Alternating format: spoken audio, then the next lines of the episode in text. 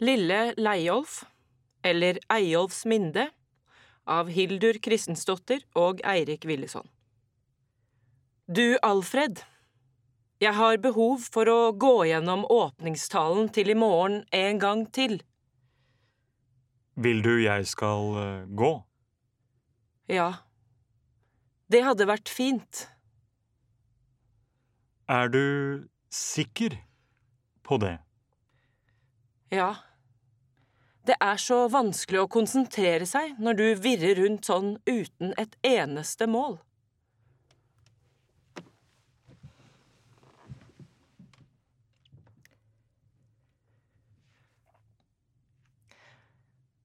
Det blir så mye lettere etter hvert, trøster de mens de stryker meg over håret. Lille venn, det er kun de første årene det handler om å gi. Det er det de sier. Au!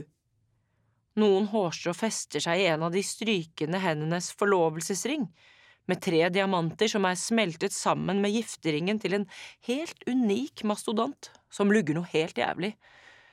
Nei, det går bra, jeg er bare så jævlig sliten, og dessuten er jeg hårsår på ekte, ikke metaforisk. Alfred og jeg hadde ingen forlovelsesring. Det ble ikke noe egentlig frieri. Vi ble bare enige begge to en dag vi satt på kjøkkenet om at vi ønsket å bli mann og kone. Dessuten ventet jeg barn. Vi har giftering, bare ingen inskripsjon ennå. Vi skulle bare ha en enkel bryllupsmarkering, og så en stor fest litt senere, etter at Eyolf ble født. Det er liksom noe med det å kunne være med å drikke champagne i sitt eget bryllup, og ikke bare stå der og skåle. Men vi fikk aldri landet en dato for festen, og så gikk årene, og nå er jo Eyolf død. Når det gjelder barn, så kommer belønningen først etter noen år, sies det. Hvis bare man eller, for å være helt presis, hvis bare mor fortsetter å gi og gi, øser og øser, aldri tviler, fortviler, selv om frykten for kollaps av selvet og en total utslettelse av medmenneskenes minne om den sensuelle, selvsikre og skarpe kvinnen jeg en gang var, bare vokser seg større. Frykten er til slutt så stor at den fyller opp hvert hulrom, hver eneste pore, og en dag har det faktisk skjedd. Jeg aner ikke lenger hvem jeg var, og den jeg ikke husker selv, kan vel bare forsvinne. Min personlige mening er at det alltid er best å være 100% ærlig. Så ja, det er bare å beklage, men jeg skal nå gå inn på detaljer som kan stå i fare for å grave seg inn i sinnet og dermed overskygge budskapet, men vær så snill, forsøk å ikke la vemmelsen ta overhånd. Jeg revna. Det var avføring. Jeg fikk problemer med å gå, og sitting er fremdeles en utfordring. Men noe av det verste, som du kanskje ikke hører så mye om på forhånd, det er den enorme angsten som er forbundet med det første skikkelige dobesøket etterpå.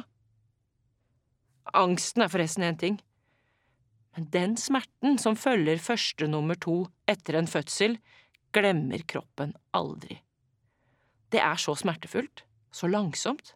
Du vil jo ikke presse, ikke sant? Jeg hadde jo angst for stingene samtidig som forstoppelsen bare vokste. Mitt råd er at dersom legene tilbyr deg noe for å hindre hard avføring, så ta imot. For alt som kommer ut av kroppen din på en motstandsløs måte, er en velsignelse. Ok, det er det jeg har tenkt å si om nummer to. Når det kommer til nummer én, så hadde jeg faktisk også inkontinens. Den første måneden jeg gikk med bleie, så følte jeg meg ensom og sårbar på grunn av det. Det er jo liksom så naturlig at vi som voksne i det minste skal klare å kontrollere vår egen urinering. Senere så kunne jeg jo gå over til vanlig nattbind, som pleier å være tilstrekkelig for de fleste fødende. Fordi etter en fødsel så skal du jo blø. Din livs menstruasjon. Alt skal ut. Renselse kalles det. Men lukten av renselse, den er spesiell, og derfor gjør det godt å lese at du får så mye mer tilbake når barnet ditt bare blir større. Det vil rente seg, det du setter inn i banken. Kjærlighet avler kjærlighet. For å bli elsket må du også elske, uselvisk. Men min Eyolf er jo borte, så hva var vitsen med all den smerten? For meg var det å bli mor en vanskelig følelse. Jeg kjente på forventninger om at jeg nå ikke skulle være meg lenger. I andres øyne var jeg liksom fullendt, og jeg møtte en voldsom entusiasme overalt. Barnet mitt var vakkert. Lik sin mor, fikk jeg høre, som om dette skulle være en hedersbetegnelse. Så fra nå skulle jeg altså motta komplimenter for mitt utseende via min sønn, som viste seg å være så usedvanlig vakker til å være et guttebarn. Og ja, jeg så at han var det. Men jeg har alltid vært vakker. Det er på ingen måte et kompliment å være vakker. Hva har det strengt tatt med meg å gjøre i det hele tatt?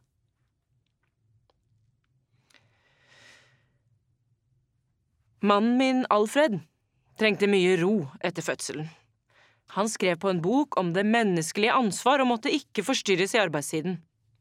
Derfor flyttet hans såkalte halvsøster Asta inn til oss for å hjelpe meg med babyen. Asta overbeviste meg om at Alfreds litterære forløsning var nær. Du må bare holde ut litt til, for det ligger an til å bli et moralfilosofisk mesterverk, sa hun. Men for å føre pennen helt i havn mente de at det var viktig med god nattesøvn, så derfor flyttet Eyolf og jeg ut av hovedsoverommet med det gode arbeidslyset og inn på gjesteværelset. For meg ble det lite givende å skulle bruke all min tid sammen med en baby. Jeg har aldri følt meg så ensom. Den gangen var det vanskelig å snakke om disse tingene. Men åpenhet er alltid bra. Og når jeg først har åpnet opp, så nekter jeg å lukke fordi jeg elsker gjennomtrekk. Derfor sier jeg nå ting rett ut. Alfred og jeg skadet barnet vårt for livet. Det skjedde uventet. Alfred han overrasket meg bakfra, det ene førte til det andre, det var voldsomt og intenst, og så ble det avbrutt av at vi hørte et klask og et skrik, et helt forferdelig skrik, så stort at jeg fremdeles synes det er vanskelig å forstå at det kunne komme fra en så liten kropp. Eyolf hadde falt ned. Han ble halt, han lærte seg å gå, til slutt ved hjelp av en krykke, og så døde han. Han drukna bare ni år gammel. Alfred hadde ikke lært gutten å svømme, men likevel hoppet han altså fra brygga. For første gang kjente jeg på en skam over at jeg, i Eyolfs ni leveår, hadde brukt opp tiden med å visualisere alle de opplevelsene jeg gikk glipp av som mamma. Min trøstefantasi var nå blitt virkelighet, og det var helt for jævlig. Men ut av denne tragedien fødtes vårt nye livsprosjekt. Alfred og jeg bestemte oss for å vie ut hjemmet vårt og åpne det opp for andre mennesker, og da kjente jeg for første gang en svak varme fra barneøynene som holder meg under oppsikt dag og natt.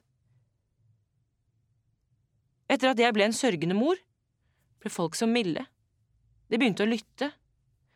For første gang hadde jeg noe å fortelle, og jeg så hvordan menneskene ble rørt.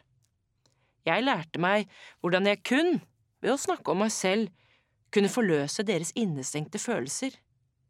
Jeg ble en sørgende mor, en rolle jeg for første gang har klart å fylle med hele meg. Eyolfs valg ga meg så mye indirekte kjærlighet, og det gjorde meg i stand til å bli en mamma. Eyolf ble større enn den stigmatiserende krykken, og da ble det enklere å elske ham betingelsesløst. Dette kan ikke sies fordi ja, jeg vet ikke helt hva jeg mener med det, men, men det å miste sønnen min ville ikke jeg vært foruten. Alle føder barn inn i smerten, men i mitt tilfelle var det snakk om så ekstreme smerter. I mitt tilfelle var det å få, for så å miste det som skulle til. Som mor til en levende gutt ble jeg trykka ned av vissheten om at jeg er feil. Jeg er feil fordi jeg bare vil stikke. Men det var liksom ikke greit, og tittelen på den første artikkelen som jeg fikk publisert, ble derfor Morsrollens lenker i samtiden i hjemmet. Ingen kan gjøre seg annerledes enn det de er, og her er vi nær kjernen av det Alfred og jeg prøver å få til med Eyolfs Minde Senter for åpenhet. Det vil alltid være mennesker som ikke blir elsket eller ikke er i stand til å elske. Om du lever et liv uten kjærlighet, da skal du eie det. Vi vil ønske foreldre som ikke elsker, og barn som ikke blir elsket, hjertelig velkommen til oss. Det er ingen skam å ikke elske barn. Min rolle var å være en dårlig mor, men det er også en måte å være mor på. Jeg vil kjempe for retten til å velge å være seg selv fullt og helt og uten skam snakke åpent og ærlig om akkurat det. Det har vist seg å være bedre for meg i denne verden uten barnet mitt. Selvsagt har jeg min private sorg som er helt for jævlig vond, men når jeg sørger så hardt, da føler jeg i hvert fall noe som er fullt ut forståelig for andre. Jeg er en barnløs mor som nå har kjærlighet til over som jeg vil dele, også med dere. Jeg tar mitt menneskelige ansvar og er en tydelig stemme for alle dere som ikke klarer å se deres barn kjærlighetsløst inn i øynene uten å drukne i skam over det.